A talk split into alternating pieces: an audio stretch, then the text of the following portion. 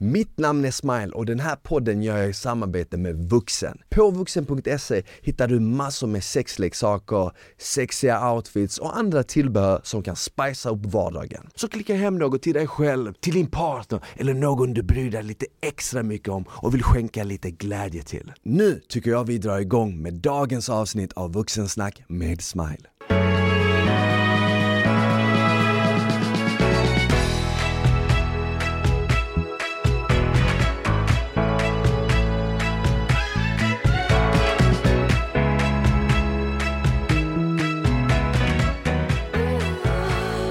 Hej och välkomna tillbaka till ett nytt poddavsnitt av Vuxensnack med Smile. Hoppas det är bra med er. Idag med mig i studion har jag Anna Tebelius Bodin som är pedagog, föreläsare och författare till bland annat boken Den analoga hjärnan i den digitala tillvaron. Välkommen Anna! Tack snälla Smile, tack! Kul att ha dig här! Väldigt roligt att få vara här! Hur mår du? Är det bra? Ja det är bra, solen skiner och det är helg och det är, ja, nej, det är bra. Det måste vara positivt om något för hjärnan att solen skiner, eller hur? Ja, det är serotonin. Eller hur? Ja. Och här i liksom Sverige, eller nu det här året, har vi haft rätt lite sol egentligen känns det som. Mhm. Känns som att våren kom lite sent. Därmed blir vi också oerhört mycket mer påverkade än det här Ja. när det kommer, när, när vi får solen. Man pratar ju inte direkt om vårkänslor i Florida. Liksom. Nej exakt, nej precis. Nej. Men här ser jag, jag, jag eh, bor eh, rätt nära vattnet och så fort solen dök upp igår så såg jag liksom folk springa ner till eh, stranden och man märker att folk blir mycket gladare, Ja. härligare. Vi behöver det. Vi behöver det, eller hur? Ja, verkligen. Hur eh, är det annars? Har du klarat dig bra undan eh, corona och pandemin? Jag har hållit mig frisk, ja, men det fattas väl bara annat, höll jag på att säga. För jag har verkligen hållit mig inne i vårt lilla hus eh, Okej. och ehm, jobbat från studion hemma och inte varit ute på scenerna. Hur har det varit? Har, du- tidigare har du rest rätt mycket med jobbet Ja. antar jag? Ja men absolut. Men jag har ungefär en 100-120 föreläsningar om året Oj. och det blir ganska mycket resor annars. Det är väl nästan var tredje dag i Ja. princip. Eh, Men det, och det är ungefär samma tempo nu fast från en studio hemma i källaren. Okej, att- så föreläsningarna fortsätter digitalt? Ja. Ja. Och eh, vad är det du föreläser för det mesta om då? Då är det ju egentligen inom två spår. Antingen så pratar vi om den lärande hjärnan och Mm. inom eh, utbildningsvärlden, både skola och inom näringslivet förstås, hur vi lär och hur vi undervisar och presenterar information så att människor kopplar. Och sen eh, har det andra spåret som är mer välbefinnande och eh, motivation och hur vi leder oss själva och hur vi leder andra Okej. med ledarskap. Och vilket av de två känner du personligen att du liksom dras mer till att prata eller tycker du om båda lika mycket? Alltså jag tycker ju om båda lika mycket så att det är egentligen variationen där jag, mellan jag gillar och sen gillar jag ju när det blir en crossover så att, man, att man pratar om det pedagogiska ledarskapet Mm. och, och de bitarna så att det blir de som vill ha både och. Eh, Så att det, ja, jag älskar ju alla ämnen jag pratar om, Ja. jag tycker det är väldigt, väldigt roligt. Jag kan tänka mig att det finns också otroligt mycket att prata om när det kommer till hjärnan Ja. som är så komplex. Ja, Eh, och eh, vi ska prata mycket mer om hjärnan, vi ska Mm. prata om din senaste bok. Men jag är lite nyfiken på dig och Mm. din bakgrund och eh, hur det kommer sig att du valde att studera just hjärnan. Mm. Alltså jag brukar ju svara på den frågan som att vad skulle jag annars studera, jag på. Det finns ju ingenting mer fascinerande och spännande än just hjärnan och allting vi upplever, allting i mänsklig interaktion och all, alla beteenden och alla motivation och drivkrafter och allting bygger ju på hur hjärnan faktiskt fungerar. Och, och jag var nördig nog var intresserad av det här redan när jag gick i skolan själv och började titta på pedagogik och inlärning och hur det fungerar och vad som händer när det inte fungerar och varför och hur mina lärare gjorde och så vidare. Så jag tyckte det pedagogiska i detta var min inkörsport liksom till, till äh, lärande. Redan hjärnan. i grundskolan alltså? Ja, Mm. jag skulle säga att i högstadiet så blev jag intresserad av det här. Och sen... eh, Kommer det från ett intresse av, av människor? Ja, det gör det ju eh, rimligtvis att jag är intresserad av hur människor fungerar och sen är jag ju lärarbarn liksom, så Mm. att skolvärlden var yngst av fyra syskon så jag är Ja. liksom in, tragglade i det här i skolans värld och, och då blir det ju så påtagligt med hur vi lär och jag hade ju väldigt annorlunda upplevelser av skolan än vad mina syskon hade och jag tyckte mycket var svårt och det var, jag lärde mig inte läsa och skriva särskilt tidigt och Nej. kämpade med de här bitarna och då tyckte jag att jag är inte dum ändå, liksom. det, det finns, det går ju på något sätt och varför, liksom, vad är det som är fel på mig och, och kan jag, hur kan jag komma runt det? Så att I början så är det med det perspektivet man har som tonåring, det är ju självbevarelsedrift, det är bara Mm. egocentrerat, hur lyckas jag bättre helt enkelt? Exakt. Och sen så utvidgar ju det i ett intresse för hur lär andra i så fall och hur kan vi se på människans komplexitet utan att bara se det i begränsade kategorier eller sådär eller lärstil eller något annat ovetenskapligt utan titta på vad är egentligen hjärnans arbetssätt? Liksom? Mm. Och, och då började jag med psykologi efter gymnasiet eh, på universitetet och pedagogik och läran om tänkandet, kognition och så.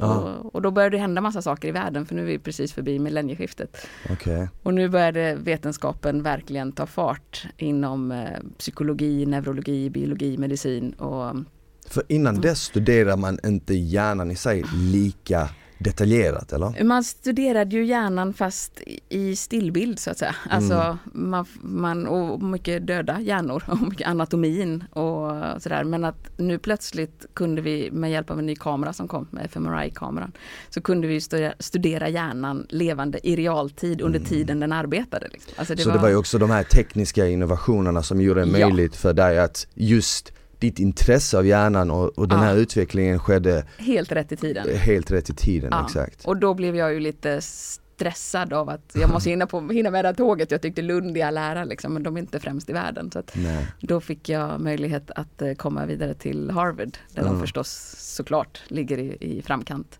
Och hur var, det att, hur var det att komma till Harvard? Alltså en så stor, eh, så stor skola som du säkert Ah. bara hade hört om tidigare ja, liksom. såklart. Det är bara ett drömställe att få komma dit. Och jag brukar väl säga så här att det är ju få saker i livet som är så häftiga när man väl upplever dem som man trodde innan. Liksom. Alltså man Ah. har ju föreställningar om saker, men man väl gör det, bara, var det här allt? Liksom. Men, Mm.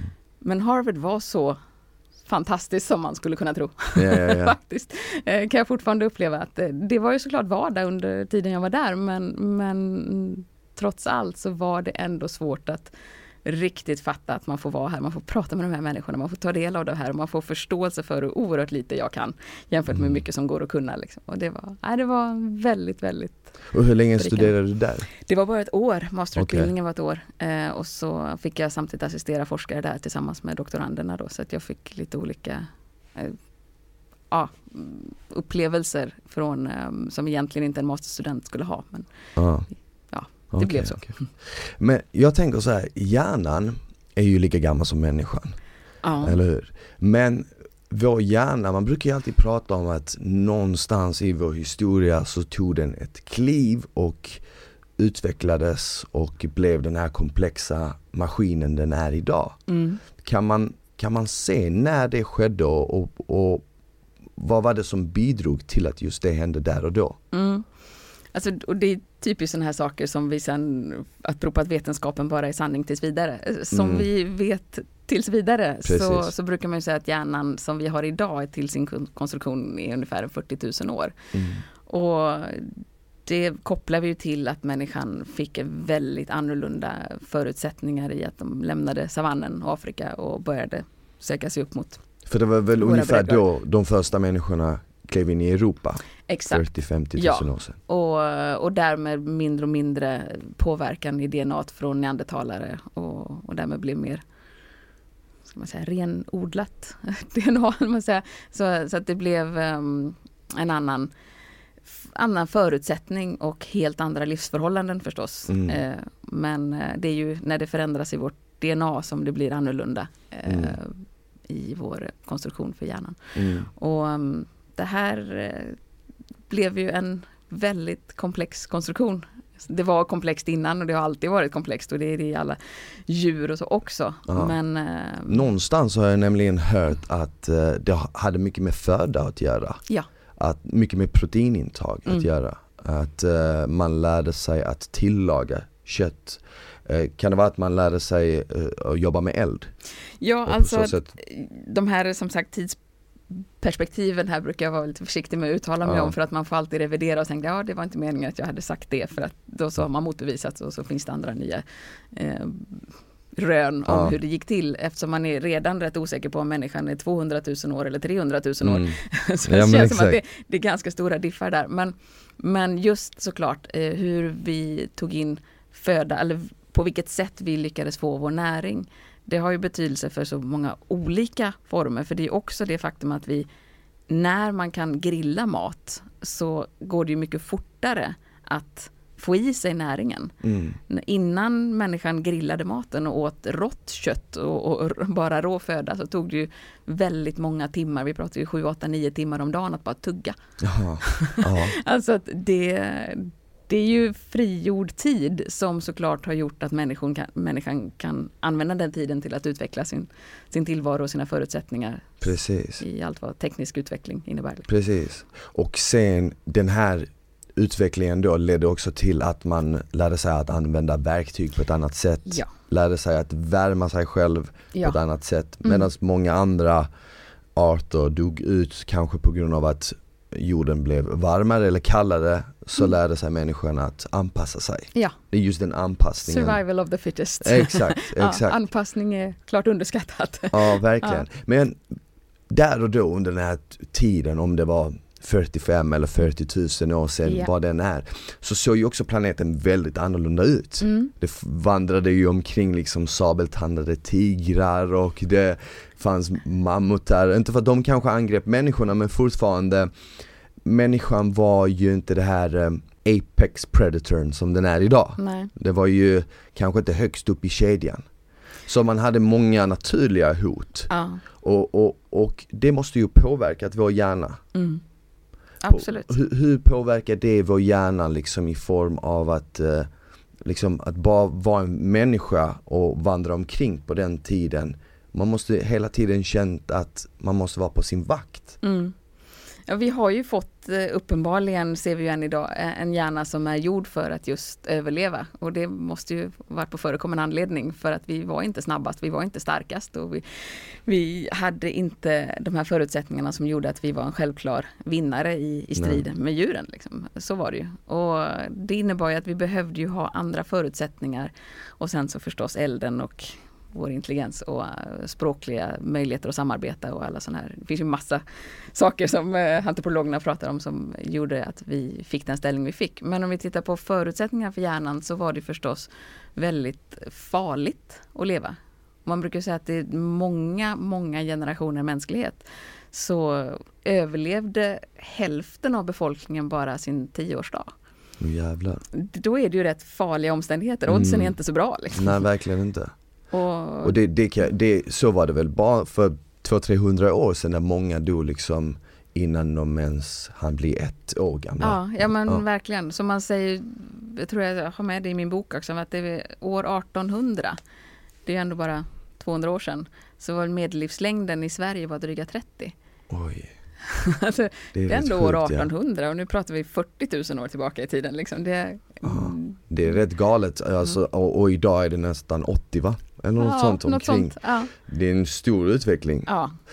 Men jag kan tänka mig att med tanke på att det är så många generationer som Mm. har gått igenom det här, för att vi, har ju levt, vi lever i en väldigt skyddad värld idag. Mm, förhållandevis. ja. Förhållandevis väldigt jämfört med skyddad. Ja. Och vi har faktiskt inte gjort det jättelänge om man Nej. kollar på hela vår tidsram. Nej, väldigt, väldigt Vä- modernt. Väldigt lite, vi skulle kunna Ja. säga liksom om det, om man jämför det med en klocka så kanske en, en, en- en minut på ett dygn har vi levt i den här teknologiska världen. Nu Ja. kanske det inte är Nej, exakt men så det, men det är bra eh, visuell bild att få att det är väldigt, väldigt nyligen. Ja. väldigt nyligen. Så då måste vi ju ha med oss och ärvt med oss jättemycket av hjärnan som våra förfäder gick runt med. Ja, alltså att konstruktionen som vi haft med oss de senaste 40 000 åren, den är ju såklart inte formad för det liv vi har idag. Och när den inte har förändrats, för evolution går så långsamt, Mm. Så, så är den förstås mycket bättre anpassad utifrån deras förhållanden som innebar att det var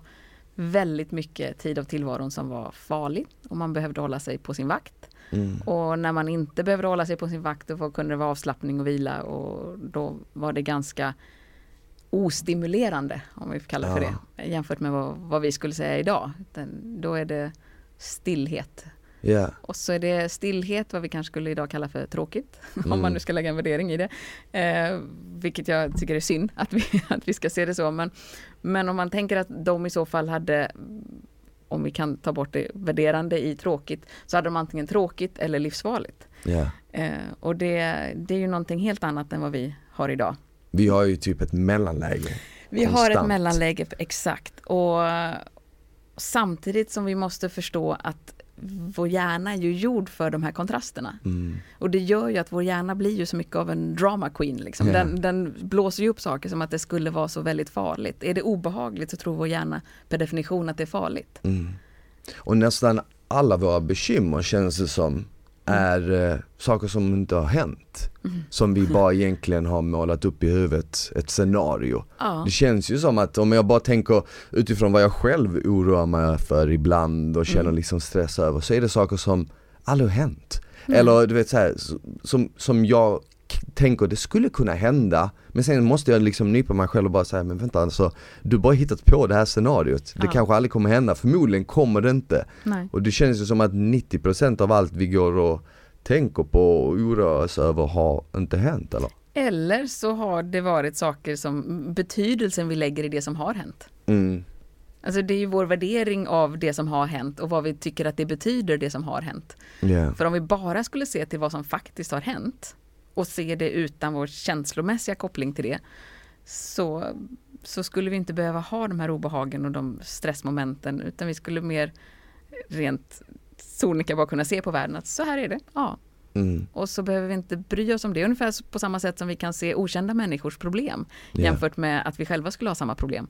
Det är mycket lättare att fri från de här känslorna kring problemet. Bara, men du kan ju lösa, varför gör du inte bara så här och så här och så kan du lösa det så gör du så här och så här. exakt. Hade vi själva haft problemen så hade vi haft tusen anledningar till, nej men det kan vi inte göra för det betyder egentligen så här och så, och så hade vi bortförklarat och så vidare. Så att vi är så fast i våra betydelser av det som händer och Mm. vad vi tror om det som ska hända. Och det är det som ger oss hela vårt känsloliv. Inte vad som faktiskt har hänt eller vad som faktiskt kommer att hända. Vi överanalyserar väldigt mycket med andra ord. Ja, det kan man kalla det för. Och, och, och, och är det något som vi liksom har ärvt just av förfäderna, det här med stress till exempel? Att känna, för att idag hör man ju mycket om liksom effekterna av stress och hur negativt det är för en och att många människor går runt och är stressade. Jag tänker ju att folk har ju alltid känt stress, det är inget som Mm. är nytt. Nej, vi är gjorda för att Vi känna är gjorda stress. för att känna stress Ja. och, och, och förmodligen på, på, på ett eller annat sätt så är säkert lite stress rätt bra för en. Ja, det är ganska nödvändigt skulle jag säga. Exakt. Vi, vi måste ju ha stress för att överhuvudtaget komma i ett förändrat tillstånd. Om vi bara skulle gå runt i kumbaya Mm. halleluja, liksom, det, det, vi skulle inte göra någonting, vi skulle inte komma någonstans, vi skulle, det, ingenting skulle hända. Vi skulle bara ligga och livsnjuta, liksom. det är ju Ja. fantastiskt härligt men det, det sker ju ingen utveckling, vi kommer ju ingenstans. Nej. Så att den här drivkraften vi har av att förbättra saker, att komma till en starkare möjligheter att förbättra vår tillvaro. Det, det handlar ju återigen om vår drivkraft att överleva. Exakt. Och därmed också med mer kunskap bättre kunna förutsäga framtiden för då har vi större överlevnadschanser. Det här är ju drivkrafter som gör att vi, vi är jägare, vi är samlare, vi är kunskapsutvecklande varelser. Mm. Och det är ju en drivkraft som leder oss in i det okända. Precis. Det vi ännu inte har, det vi ännu inte kan, det vi ännu inte förstår, det är dit det driver oss. Och det är ju per definition ett obehag för hjärnan. Mm. Att dras in i något som den inte varit med om förut. Det här har vi inte överlevt förut. Ja. Så att det blir ju det här dubbla hela tiden. Vi vill in i någonting, men när vi väl är där så, ah, det här har jag inte gjort förut. Mm. Så det måste finnas en, ett moment av stress för att vi ska helt enkelt komma framåt. Ja. ja men exakt, och när du säger det så tänker jag ju på om, om vi spolar tillbaka bandet till det du sa att men, när förfäderna började röra sig ut utanför Afrika och kom till Europa Mm. så gjorde de det kanske just av den här känslan, det här drivet, den Mm. här stressen kanske. Ja. Och hade inte det skett så hade inte den utvecklingen som senare skedde hänt i heller. Nej, då hade de Så- suttit där på en sten kvar i Afrika och så hade, de, hade mänskligheten bara befunnit sig där. Och så. Exakt. Ja. Så med andra ord, när man står inför eh, eh, ett beslut och ett är väldigt bekvämt och Mm. ett är väldigt skrämmande. Mm. Bör man gå åt det skrämmande hållet? Jag skulle inte vilja se, ge det som ett generellt råd för Nej. det kan ju bero på väldigt mycket vad det är för någonting. Såklart. Men, men att, att det är skrämmande i sig är ju inte anledning nog att inte göra det. Nej. Det finns ju andra saker med det som, som kan ju vara anledning att inte göra det. Men återigen det här, hjärnan är programmerad att tro att är det obehagligt så är det farligt. Mm. Och när vi kan skilja på att det finns ganska mycket stor bredd av obehag innan det går så långt så att det är farligt. Och kunna särskilja då på det här är obehagligt i och för sig men det är ju inte farligt. Det är ju Nej. för min okunskap eller det är ju för att jag är osäker för att jag inte har gjort det här förut eller för att jag är beroende av andra människors leverans eller min leverans eller osäkerhet och min otillräcklighet och sådär. Så att det, man ska ju analysera vad det beror på att jag känner obehaget. Mm. Och hur, hur, hur tacklas man om vi pratar om just de här olika scenarion som man brukar råka ut för? Vare sig det är liksom att man känner lite stress inför att prata inför en stor publik eller liksom man känner sig lite nervös inför en dejt eller whatever, vad det Mm. kan vara liksom de här hjärnspökena som Mm. oftast dyker upp. Ja. Hur, hur tacklar man dem på bästa sätt? Till Mm. exempel eh, nervositet. Jag minns till exempel, ett bra exempel är när jag skulle eh, köra upp för första gången, hade uppkörning. Ja. Så var jag så nervös Mm. att jag skakade så mycket med eh, eh, foten att jag hade svårt att hålla i kopplingen. Aj, aj, aj. Och på grund av det så på grund av det så blev jag kuggad den första gången på min uppkörning. Ja. Och sen märkte jag redan vid andra tillfället att där var min inställning lite mer så här. Ah, det blir vad det blir. Mm. Jag har misslyckats en gång, jag kanske misslyckas idag igen Mm. men jag bestämde mig för att jag kommer i alla fall fortsätta tills jag lyckas. Så jag, Ja. lite sån här skiter i attityd. Mm. Och då gick det helt plötsligt mycket bättre. Mm. Och jag kände ingen stress längre. Det var precis som att jag sa till min hjärna, vet du vad? Du kan spela dina trick, du kan Mm. göra vad du vill, men jag kommer ändå fortsätta, jag kommer Ja. inte ge upp. Eh, kan, man, kan man på något sätt lura hjärnan att inte känna stress eller Absolut. nervositet? Alltså vad som händer är när du kommer upp i de här höga stressnivåerna, att du känner nervositeten och du känner hög puls och allt och adrenalinet eh, sprutar ut i kroppen. Då kommer den ganska snart att kompletteras av, av kortisol, Mm. eh, vårt andra stresshormon. Och kortisolet är ju till för att snabbt ge energi ut i kroppen, att snabbt frisätta eh, glukos så att vi, vi får massor av energi helt Ja. enkelt. Och det är för att kroppen rent fysiskt ska ta sig ur stresssituationen. Vi ska ju springa någonstans, vi ska ju slå ner någonting, vi ska ju fysiskt eh, skydda oss. Ja, Och det är ju oftast idag inte svaret. idag har vi oftast lite andra typer av problem. Och då är ju inte det någonting som hjälper oss. Men vad som däremot, eller vad som dessutom ska säga påverkar, det är ju att kortisolet hjälper inte bara till att ge all energi till kroppen, utan det, det ska säga, rumsterar ju om även i hjärnan och prioriterar om tillförseln av vad, vart ska det syresatta blodet. Det är Okej. inte fram till pannloben och det oerhört energikrävande tänkandet där vi har våra analyser och konsekvenstänkande och förståelse och, och allt det här som tar massor av energi. Det mest utvecklade, den mest utvecklade teknologin vi har i hjärnan är vår pannlob och Mm. den kan gå ner i, den kan reduceras och få upp, jag tror det är ner till minskat med 70% mindre syresatt blod vid riktigt höga kortisolnivåer. Okej, Då blir det svårt att tänka. väldigt svårt att tänka. Då är det väldigt svårt att tänka och då går vi bara på instinkt. Då går vi på reflexer. Då går vi på det som, eh, vi blir väldigt reaktiva liksom. Ja, Och så tänker vi inte. Och då brukar ju problemen växa liksom. Och då får vi ännu mindre tillgång till pannloben och då växer problemen och så vidare.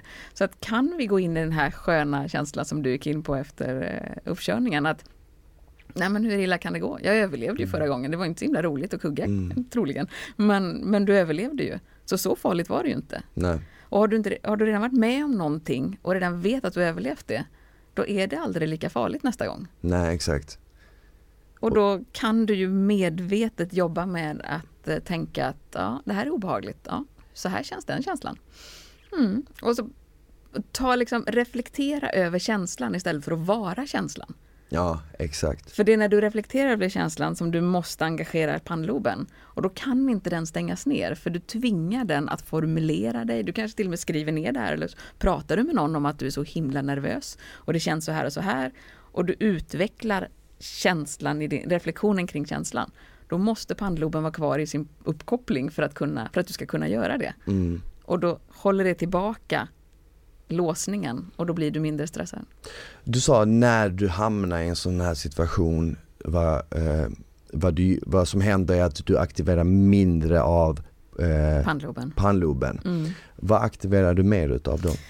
Vårt hela nervsystem som eh, går, får kroppen i beredskapsmode. Att vi ska ju, vi blir fysiskt väldigt eh, beredda och reaktiva och uppmärksamma på, på oväntade ljud och Det finns en Intryck. del i hjärnan som heter amygdalan eller? ja, Blir den mer aktiverad? ja, Eftersom eftersom- den är primitiv. Ja, men exakt. Det, de allra, mycket ny forskning kommer nu eh, och, och vill på något sätt ta död på den här myten som att det måste vara aktivitet i amygdala. För det säger ju all, 99% Mm. av alla psykologiböcker har ju sagt det i alla tider och alla rapporter. Men vi har ju nu kunnat se att det finns beteenden och känslor som uppfattas upp av eh, försökspersoner som inte alls har en aktivitet amygdala. Så att det är inte fullt så lätt som man eh, hittills väldigt bred myt har velat sprida. Men visst är det förstås så att amygdala är en, en, en central del i det systemet som eh, aktiveras Mm. och som eh, påverkar vår upplevelse av eh, rädsla helt Ja. enkelt. Och, och man ser ju också att en hel del människor reagerar väldigt olika i Ja. olika situationer. Mm. Eh, vissa får panik och blir panikslagna medan andra behåller ett lugn och är väldigt cool liksom. Mm. Är det något som är ärftligt eller är det något som utvecklas under ens barndom beroende Mm. på liksom omständigheter och, och så vidare? Som allt inom psykologin skulle jag nästan säga och mänskligt beteende så är det ju både arv och miljö. Okej. Eh, Så att det är medfött i den bemärkelsen att vi har olika känslighet i till exempel amygdala. Amygdalas känslighet är olika. Och vad det beror på eh, mer än gener eller om det är i vad som händer i fosterstadiet eller vad som händer i, i våra första år i livet. Så det, det vågar jag inte uttala mig om faktiskt. Men, men förutsättningarna är ju olika som vi föds med. Mm. Även om vi är betydligt mer lika än de flesta, flesta vill framhålla. Så får det olika konsekvenser i och med att våra trösklar för olika intryck ligger på olika nivåer. Ja. Och, och sen ska vi ju inte underskatta vad, som, vad det innebär att vara med om riktigt traumatiska händelser, till exempel tidigt i livet, ännu större påverkan, men även senare i livet. Det här, vad jag brukar säga, vajrar ju om, alltså hur, hur det är vajrat, hur det är kopplat i hjärnan, styrs ju om om vi är med om någonting riktigt traumatiskt. Ja, och det, när man är med om någonting riktigt traumatiskt, Mm. kan man, hur, hur påverkar det, kan det påverka hjärnan åt båda hållen? Att du blir mycket mer stressad eller att du blir mycket lugnare eftersom du har varit med om något traumatiskt så du blir liksom lite mer Alltså lugn, behålla Mm. ett lugn, Mm, om du förstår vad jag menar. Ja. Är det, eller påverkar det alltid hjärnan åt hållet att du blir liksom väldigt eh, stressad och panikslagen? Ja. För du har varit med om något traumatiskt? Jag skulle vilja uttrycka det så här, att det är ju vanligt, alltså när vi pratar om, om stressrelaterade eh, syndrom, alltså när vi, när vi påverkar lång, på lång sikt av, av att vi har varit med om något traumatiskt, så talar man ju om det i, i en negativ bemärkelse Ja. förstås. Att vi har, få, vi har fått känningar som har gjort att eh, vi får andra triggers, eller fler triggers, vi får fler saker som som får hjärnan att tro att vi är inne i en farlig situation Mm. och som reagerar därefter som alla hjärnor skulle gjort i samma farliga situation. Men, men om hjärnan får den upplevelsen så oftare så triggas ju systemet oftare. Mm. Och, och då blir det ju också någonting som återkommer mer och mer vilket gör att hjärnan befäster de mönstren av känslor som gör att den mer och mer eh, formaterar om sig. Så att säga. Exakt. Men jag förstår vad du menar i perspektivet att det skulle kunna vara att man är med om någonting som man tänker, men överlever jag det här? Då är ju ingenting farligt längre. Så. Ja. Ehm, och det är väl inte omöjligt. Jag har inte, jag har inte riktigt tänkt på det på det sättet ska jag erkänna. Nej. eh, faktiskt. Man måste kanske, det kanske kommer ner till hur, eh, hur man själv som individ ser på saker. Alltså perspektivet man väljer att se en situation ur. Ja, och, Och- det, det är ju oftast då personlighetsdrag som man hade redan innan det här hände. Vilket Exakt. gör att man också upplever själva den situationen. Det som är ett trauma för någon upplevs ju på olika sätt beroende på vad du har för personlighet när, Ja. du, när du går in i ett trauma. Nej, men, exakt. Men vad man ska vara medveten om, att jag pratar ju väldigt mycket om hur man då använder sin pannlob, med att man pratar och man reflekterar över sina känslor och går in och väljer tankar och väljer hur vi ser på vad det är som har hänt och väljer hur vi ska tänka på vad som kommer att hända och så vidare. Ja. Men när vi är inne i den här typen av situation som är ju förhoppningsvis rätt exceptionell, eh, det vill säga trauma eller chock, så, då förlorar vi den möjligheten att Mm. kunna välja. Där, där är vi här och nu. Det är inte frågan om att vi, något framtidsscenario eller något som Nej. har hänt, utan det är verkligen här och nu. Och, och vi är ganska begränsade av vår biologi där som ska reagera på ett sätt som hjälper oss att överleva i första hand. Mm. Sen hur vi mår psykiskt efter det, det är inte hjärnans problem, på säga, men det, det är någonting vi får hantera i efterhand. Du sa något intressant tidigare, där du sa eh, programmera hjärnan. Ja. Kan man programmera hjärnan till att tänka positivare, till att eh, till att vara motiverad, till att liksom, eh, ja men eh, säg att man eh, vaknar upp och de första tankarna man får är negativa tankar och, Mm. eller att man känner sig stressad. Man vet inte ens vad man känner sig stressad över men man bara känner en stress. Mm. Kan man programmera sin hjärna till att, eh, till att vara en gladare hjärna helt enkelt? Mm. Det vill jag absolut säga att man kan. Eh, Mm. Och det,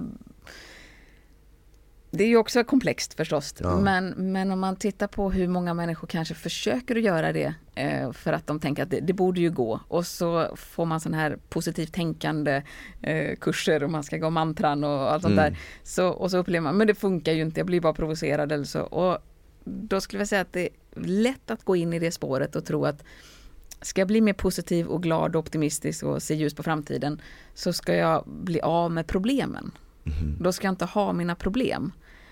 För att problem är ju det som får mig negativ och jag känner mig pessimistisk och säger jag vill inte ha problem.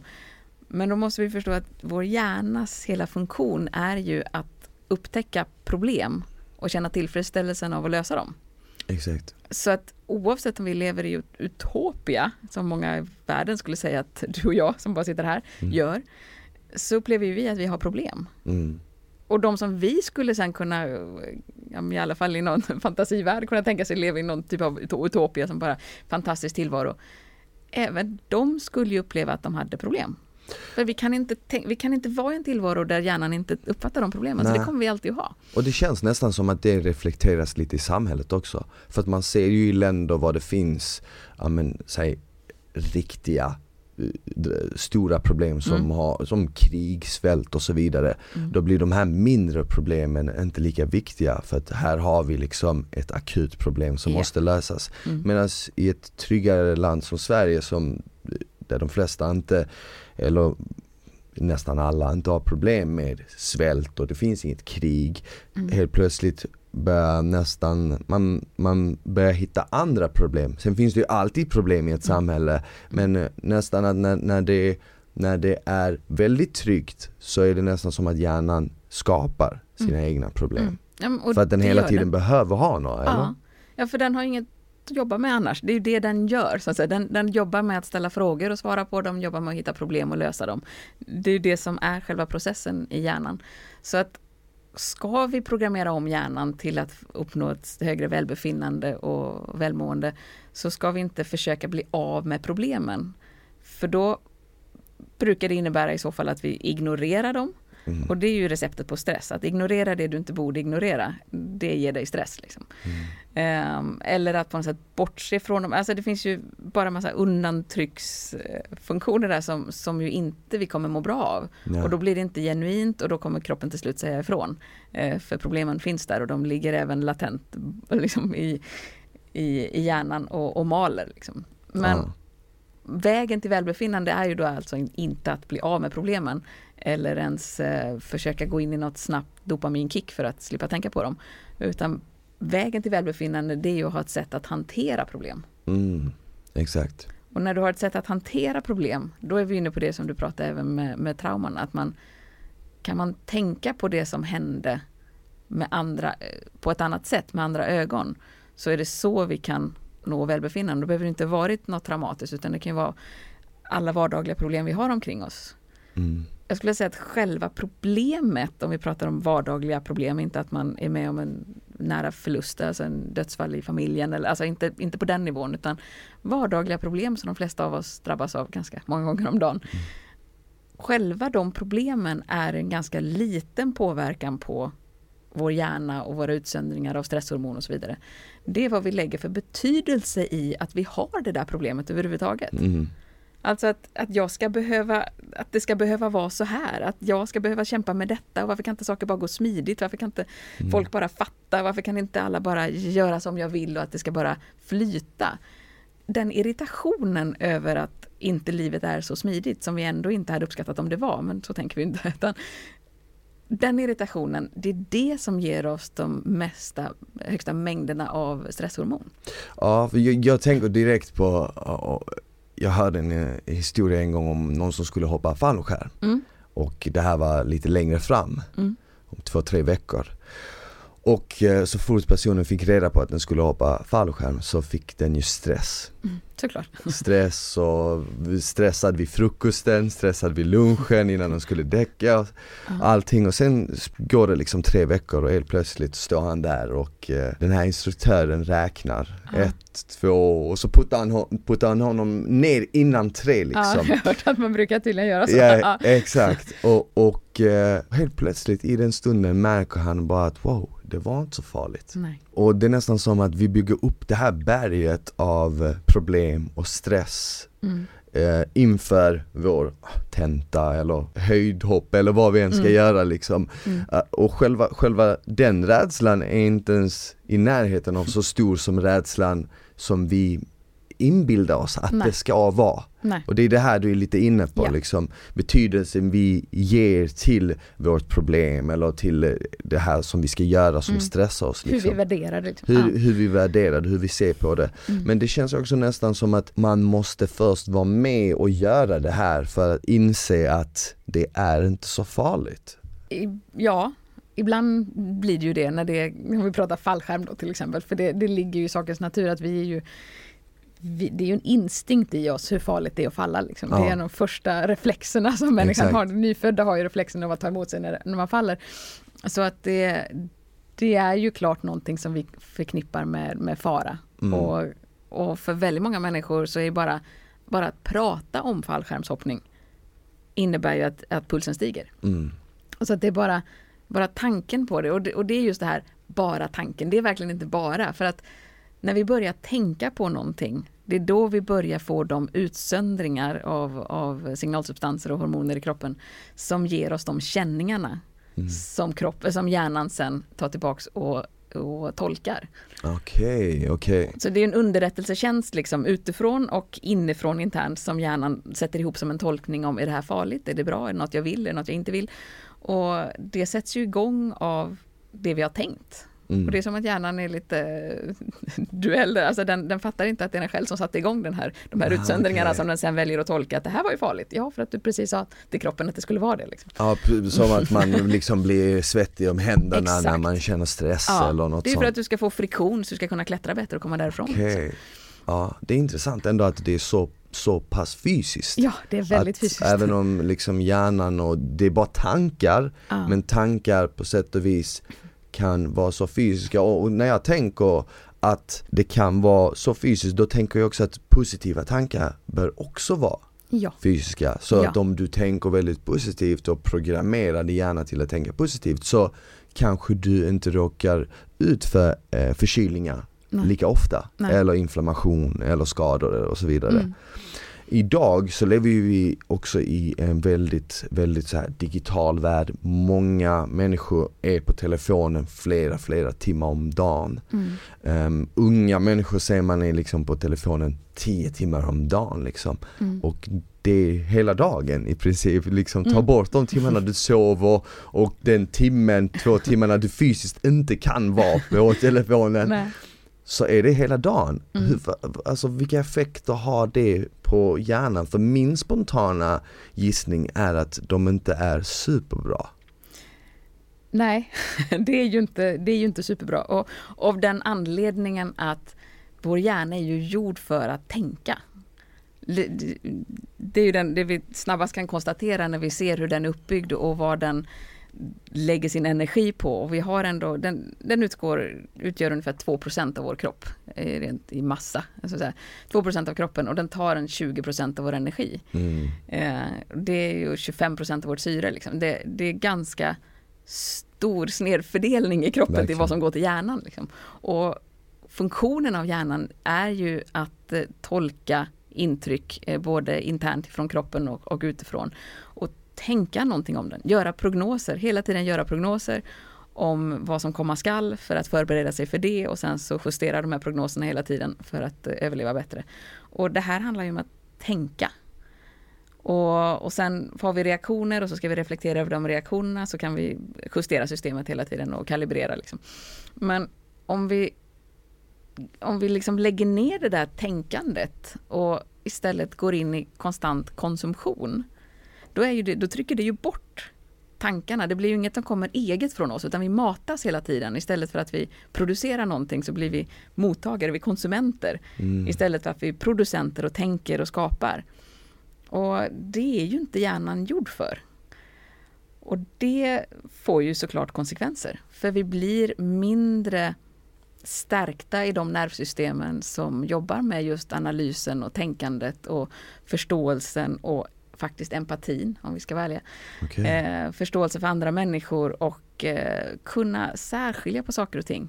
Vi blir mycket mer reaktiva, vi blir mycket mer eh, trygghetssökande i att eh, vi upplever ett mycket större hot att, och mycket större beredskapsbehov så att säga. Vi har taggarna utåt. Lite mer, mer taggarna utåt, exakt. Ja. Mm. Och det känns ju nästan som att man skulle kunna jämföra det här eh, som har hänt för hjärnan då också lite som det som händer för kroppen. Om man tänker att förr i tiden jobbade människor väldigt fysiskt, ja. arbetade väldigt fysiskt medan ja. man idag kanske sitter i bilen på väg till jobbet, sitter på kontoret framför datorn, sitter på väg hem igen, sitter i soffan, kollar på TV. Sen lägger man sig och sen repeterar man det här igen. Så att det är precis som att kroppen till slut inte ens behöver musklerna för att Nej. du använder aldrig dem. Nej. Det är nästan som att man skulle kunna säga att all den här informationen som ges till oss mm. gratis och, och, som vi inte behöver kämpa för mm. gör så att vår hjärna blir lite inaktiv på något sätt. Ja. ja, de systemen blir ju mer inaktiverade för att de behöver inte användas. Vi mm. behöver inte reda ut saker heller på samma nivå. När vi har, om vi tänker att vad hjärnan är gjord för, de här kanske 150-200 kontakterna vi hade med människor genom hela vårt liv. Eh, för att vi levde i en flock. Liksom. Medan idag så kan man ju ha kontakt med fler människor före frukost. Ja, eh, och det säger ju en del om hur mycket varje sån här enskild kontakt är värderad för oss i förhållande till vår chanser att överleva, vilket är ju hjärnans prioritet. Och när vi har 150 kontakter för hela vårt liv så är vi rätt beroende av att de fungerar. För när hotet kommer så måste jag kunna lita på, på de andra liksom, mm. för att mm. vi ska hålla ihop och överleva. Idag när någon är irriterande och man knappt har ett namn på dem och det bara någon anonymt namn på internet. Liksom, man kan ju bara blocka dem. Man behöver, inte, ja. man, man behöver inte reda ut saker, man behöver inte ordna upp relationer eller reda ut missförstånd eller något. Man kan bara ignorera dem. Mm. Det gör ju att hjärnan behöver jobba mindre med relationsbyggandet på det sättet med väldigt många relationer. Nu har vi förhoppningsvis flesta människor även andra relationer som står oss så pass nära att vi gör arbetet att faktiskt eh, vårda relationerna förstås. Ja. Men det är, inte, det är inte så att det inte påverkar oss att vi upplever att det finns relationer vi bara kan strunta i. Liksom. Nej, men med tanke på hur komplex hjärnan är så känns det ändå som att även om det här inte är superbra för oss så känns det ändå som att den på något sätt kan dra nytta av det här eller? Ja, mm, kan, kan, ja. kan liksom den här översvämningen av eh, information, av um, vad ska man säga, intryck mm. kan det påverka oss positivt också på något sätt? Ja men det, det, måste man ju ändå säga för, och det är bra att du lyfter fram för jag personligen så tycker jag väl det, jag skulle inte vilja leva i någon annan tid i världshistorien än nu. Alltså Nej. det är väl den mest häftigaste tiden vi kan leva i och leva just nu och få vara med om allt det här och då tänker jag att de problemen vi står inför, eh, vilket ju blir, man tänker ju globalt numera, eh, både med klimatet och kanske politiskt, finansiellt mm. och teknologiskt och medicinskt. Alltså utvecklingen går ju framåt med en sån fruktansvärd hastighet mm. som det är ju inte oftast det vi ser på nyheter och så längre för det, ja, det säljer ju inte på samma sätt. Nej. Alla de här framstegen och allt är otroliga men Det alldeles nyligen jag såg någon lista på alla patent som har tagits inom att rädda klimatet eh, sfären så att säga ja. under 2021. Eller för 2020 var det, förlåt, under 2020. Och det var så här, oj! Ja. alltså, och, och det, det, det, överstiger ju allt som någonsin har, har kunnat mätas av, av, tidigare patent inom något område tidigare i, i hela historien, sen, sen vi fick Patentverket. Mm. Så att vi är ju med om en tid där informationen, visst den översvallar oss, det, det är väldigt mycket och det är väldigt överväldigande för väldigt många människor som inte använder informationen särskilt medvetet med sin pannlob utan de är mm. bara konsumenter. Ja. Men om man använder hjärnan till det den är till för, det vill säga att tänka. Om vi inte har tio timmar om dagen med att bara matas av information utan vi kan halvera den tiden eller mm. någon, någon, del av den tiden för att använda resten av tiden att faktiskt reflektera, tänka och skapa och samarbeta. Då är det ju, det har ju aldrig varit så häftigt som att leva nu. Liksom. Det finns, möjligheterna idag är ju enorma. Liksom. Ja. ja, men ändå så känns det som du säger att, säg en person som använder telefonen 5-10 timmar om dagen har en väldigt hög skärmtid. Det känns ju ändå som att de flesta av de timmarna är inte så här produktiva timmar utan det blir mm. ju det här sökandet kanske efter dopaminkickar. Ja. Ja. Eller, eller bara den här som du sa tidigare, att inte känna tristhet. Nej, att, det ska att, inte vara tråkigt liksom. Nej men exakt, för det, på något sätt känns det som att vi är också så pass beroende av underhållning, att vi har blivit sådana så, så, konsumenter av underhållning att vi konstant måste vara, ha någon form av underhållning. Vi kan inte känna det här ja, men, lugnet eller bara så här att det, att bara det ska vara ensam med tankarna. Liksom. Bara vara ensamma med tankarna, Nej. exakt. Nej. Och jag, jag har ju märkt det på mig själv liksom, jag försöker ibland få till så här, att meditera lite för jag mm. vet att jag har gjort det tidigare och det mm. alltid känts bra. Mm. Och då handlar det om liksom så här, en kvart om dagen. Mm. Och även det ibland är liksom svårt för mig att få till och ja. då tänker jag så här, men vänta nu det handlar om en kvart liksom. Ja. Det är en procent på en dag. Ja, det är inte rationellt att tänka att man inte har tid med det, men så det är ju andra begränsningar än den rent tidsmässiga. Men, men det, det, kan ju människor säga när jag tycker att 10 eh, minuter om dagen ensam med tankarna, det gör enorm skillnad för för din möjlighet att stärka din pannlob och det du behöver för impulskontroll och analys mm. och kreativt tänkande och så vidare. Mm. Tio minuter om dagen, det börjar där liksom. Och då ja. finns det människor som säger, men jag har inte tio minuter om dagen. Då säger jag, ta 20. Mm. alltså, har du inte tio minuter om dagen för att sitta ensam med tankarna, då, då är det inte ditt största problem. då har du större problem och då ska du ha 20 minuter om dagen. Liksom. Ja men verkligen, och jag kan säga det till alla som lyssnar att jag började för ungefär två och ett halvt, nästan tre år sedan nu, skriva journal mm. eh, innan jag går och lägger mig. Mm. Och eh, skriver tre stycken tacksamhetsövningar. Inte för att jag hade läst att man skulle göra det utan mm. bara för det instinktivt kändes rätt mm. att göra det. Mm. Det kändes bara rätt att skriva om dagen. Mm. Precis som att jag, jag, jag gillar att skriva allmänt och ha det svart på vitt. Det känns mm. som att när jag gör det så är det nästan som att jag ser min hjärna som en inkorg du vet. Ah. En mailingkorg och man har inte läst något mail. Men när jag gör det känns det precis som att jag bara bockar av alla. Ah. Och så vaknar jag imorgon med en fresh liksom inkorg. Ah. Och sen skrev jag liksom tre saker jag var tacksam för idag. Mm. Och det behöver inte vara så här revolutionerande grejer typ. Det kan mm. vara något som, ja men idag till exempel, jag kände solen i ansiktet mm. och jag är jävligt tacksam för det. Mm. Och jag märkte bara liksom hur, det, hur jag successivt blev allt mer positiv mm. och började se det goda i saker ja. istället för att se negativt. Mm. Det är nästan som att min hjärna började funka som ett filter där den filtrerar bort allt som, som inte var bra för den och den bara tog emot allt som var positivt. Ja, det är ju att programmera om hjärnan. Verkligen. och, och, det är det det handlar om och vi ska vara medvetna om att vi ser ju inte världen som den är utan vi, jag tycker jag, nej, Björn Natthiko är så bra, han, han är ju inte, pratar inte om hjärnan på det sättet. Men han, han talar ju bara av buddhistisk livserfarenhet att världen är inte som den är, den är som du är. Exakt. Och tittar vi på hur hjärnan jobbar så är det så sant. Därför att vi ser ju inte världen som den är, vi ser den utifrån hur vår hjärna gör prognoser om den. Mm. Och om vi har en prognos om att jag kommer se positiva saker, det kommer finnas saker i mitt liv under dagen idag som jag kommer vara tacksam för, som jag vill skriva ner ikväll. Då kommer du se dem betydligt tydligare. Mm. Och då kommer de att poppa upp. Det är som, som människor som eh, jag vet inte, kvinnor som vill bli gravida till exempel. De tycker att det bara är gravida magar överallt. Medan någon som inte alls har de tankarna säger ju aldrig det. Liksom. Jag tänker inte på det.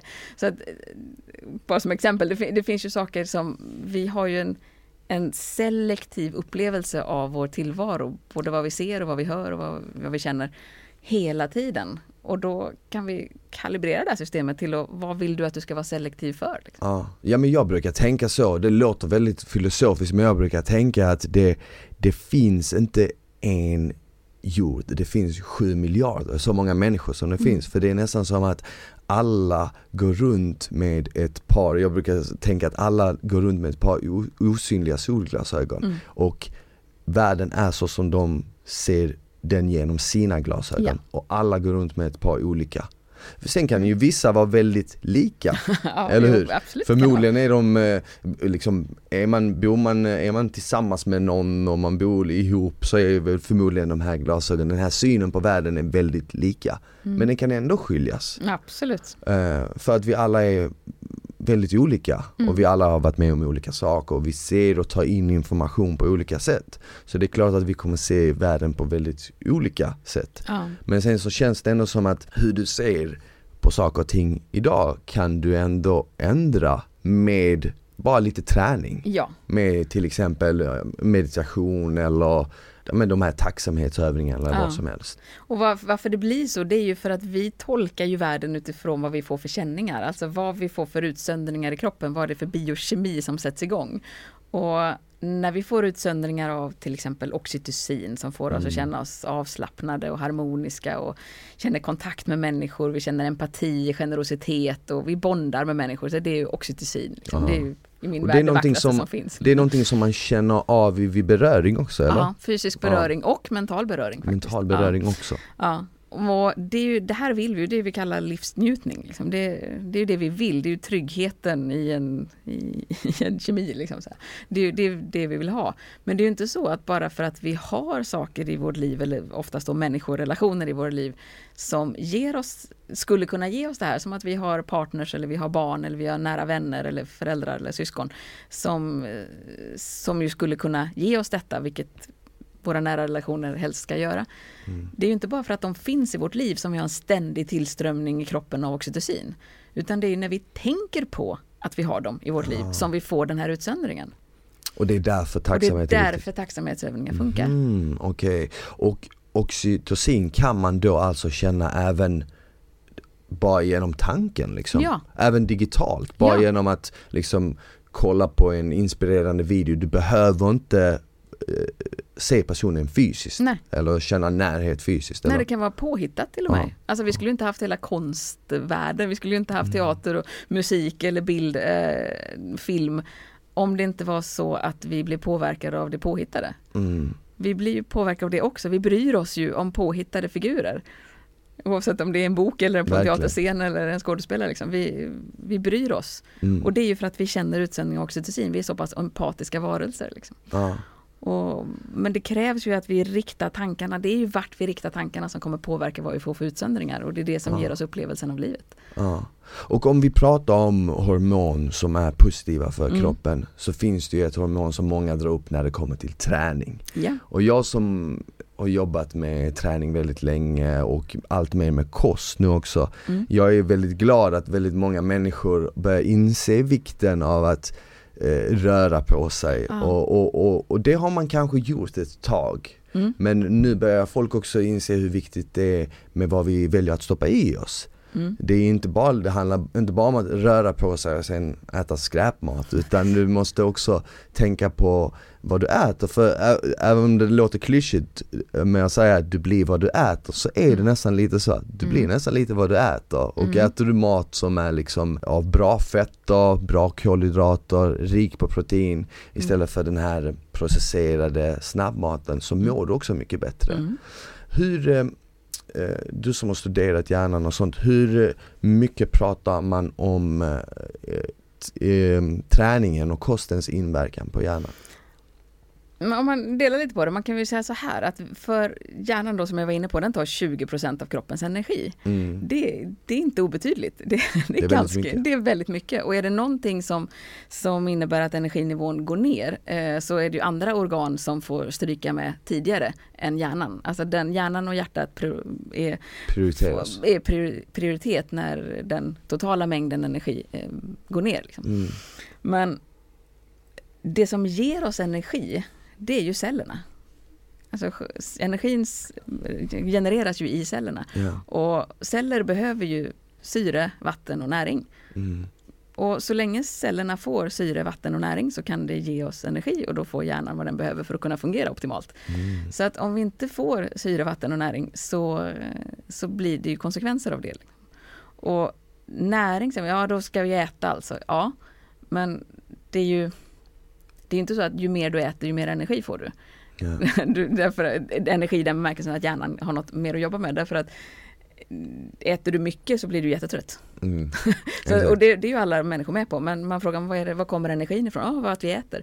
Ja, fast det är egentligen så. Det kommer från cellerna. Vad är det cellerna behöver? Så att vi går ner på, vi missar inte det steget. Och då förstår jag att dricka tillräckligt med vatten, eh, vilket ju förfäder inte kunde göra. De hade ju inte vatten alltid Nej. tillräckligt, så de fick ju få vattnet genom maten. Vilket innebär att vi idag kan gå och småäta och känna oss sockersugna när vi egentligen har vätskebrist. Yeah. För att våra förfäder fick sånt signal. Liksom. Men om vi förstår då att vi behöver syret eh, och röra på oss, förlåt syret var inte ens inne på, men rörelsen kommer ju i sista hand, eller inte i sista hand men tredje punkten och det är ju att vi rör på oss och bygger upp ett infra, en infrastruktur i kroppen för att få så bra syreupptagning som mm. möjligt. Det är ju det är god kondition pratar vi Exakt. helt enkelt om. Då får vi ju tillräckligt med syre till cellerna. Dricker vi tillräckligt med vatten så får vi det till cellerna och får vi oss tillräckligt med näring. Och oftast är ju problemet i kost inte att vi äter dålig mat utan det är att vi äter för lite av det vi måste få i oss. Mm. Eh, skulle vi äta tillräckligt av det vi måste få i oss, det vill säga det som ger oss näring, så skulle vi inte orka äta all den dåliga maten. Nej. och, och, det är ju ett perspektiv som jag tycker är mer relevant när vi pratar om, om cellerna. Liksom. Mm. Och vad det cellerna behöver och framförallt då, den, för att kunna ge den energin som hjärnan behöver. Mm. Med andra ord, träning och sund kost ger hjärnan optimala förutsättningar för ah. att fungera så bra den bara kan. Ah.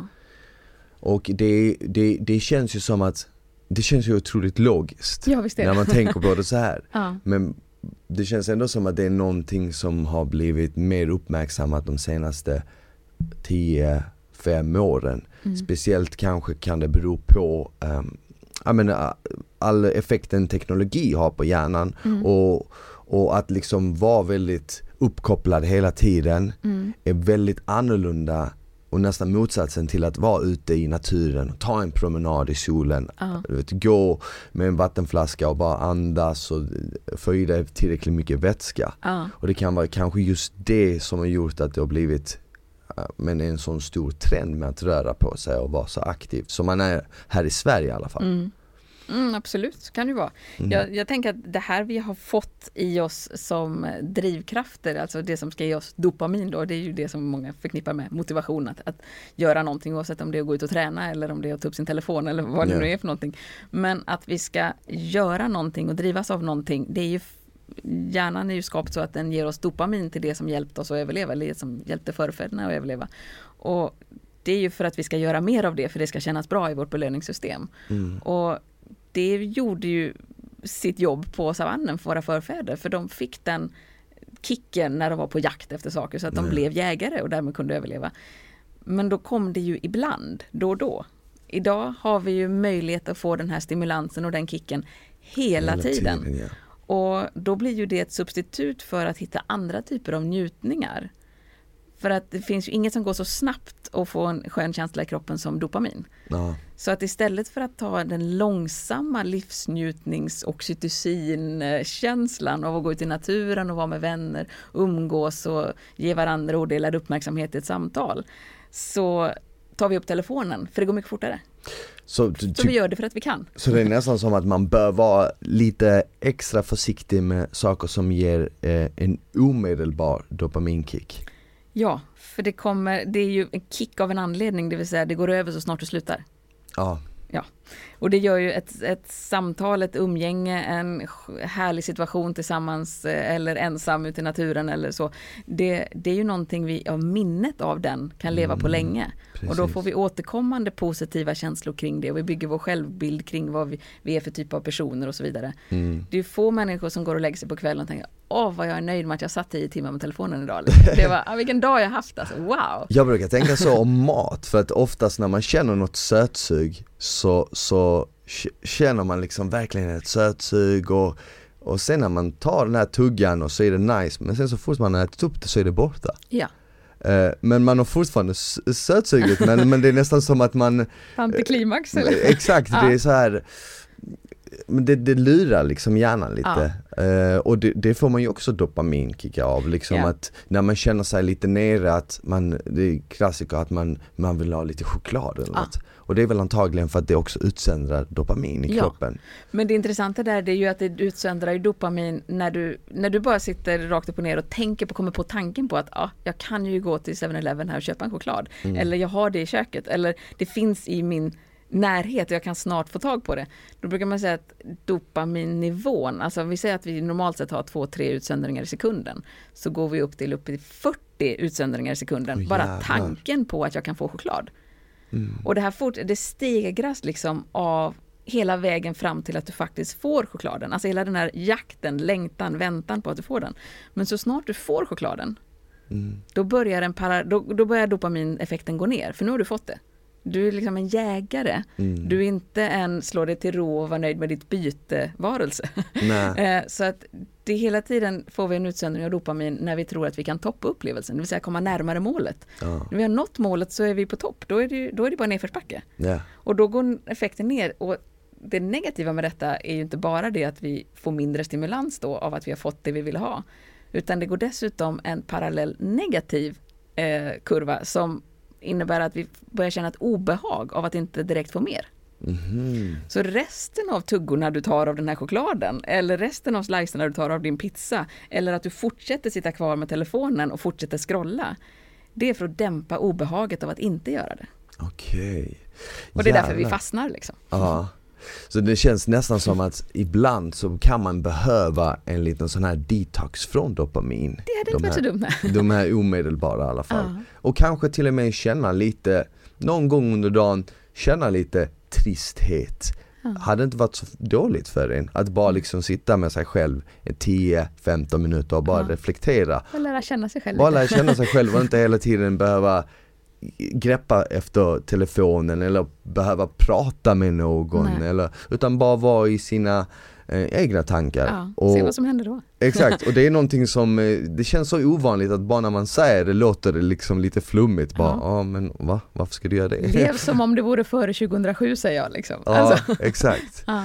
ja. det känns som att hjärnan är otroligt komplex och, och, och intressant och vi hade kunnat prata om det hela dagen. ja. Men eh, jag hoppas att alla som lyssnat har lärt sig något nytt. Mm. Det är definitivt jag och jag vill tacka dig för att du kom hit idag. Tack snälla. Och ehm, för alla som lyssnar eh, du har ju släppt en eh, ny bok mm. och den hittar de Bokus, Adlibris, ja, överallt. Ja. Och eh, på Instagram, vad heter du där?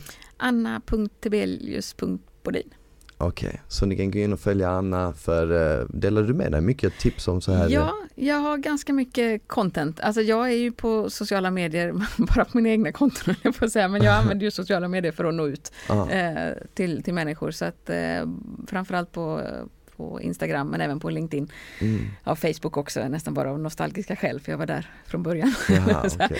men, eh, men där finns jag också på den professionella sidan då, då är det Anna Tibelius Bodin på Gärna Utbildning och inte mitt privata konto. Okay. Eh, och där delar jag massor om välbefinnande, motivation och allting, alltid med koppling till, till hjärnan. Liksom. Mm. Ja men grymt. Tack för att du kom hit idag. Ja men tack snälla. Och tack för att ni hängde med oss och lyssnade på dagens avsnitt. Vi är tillbaka nästa vecka. Tills dess, ta hand om varandra, ha det bäst. Hej då! Hej då!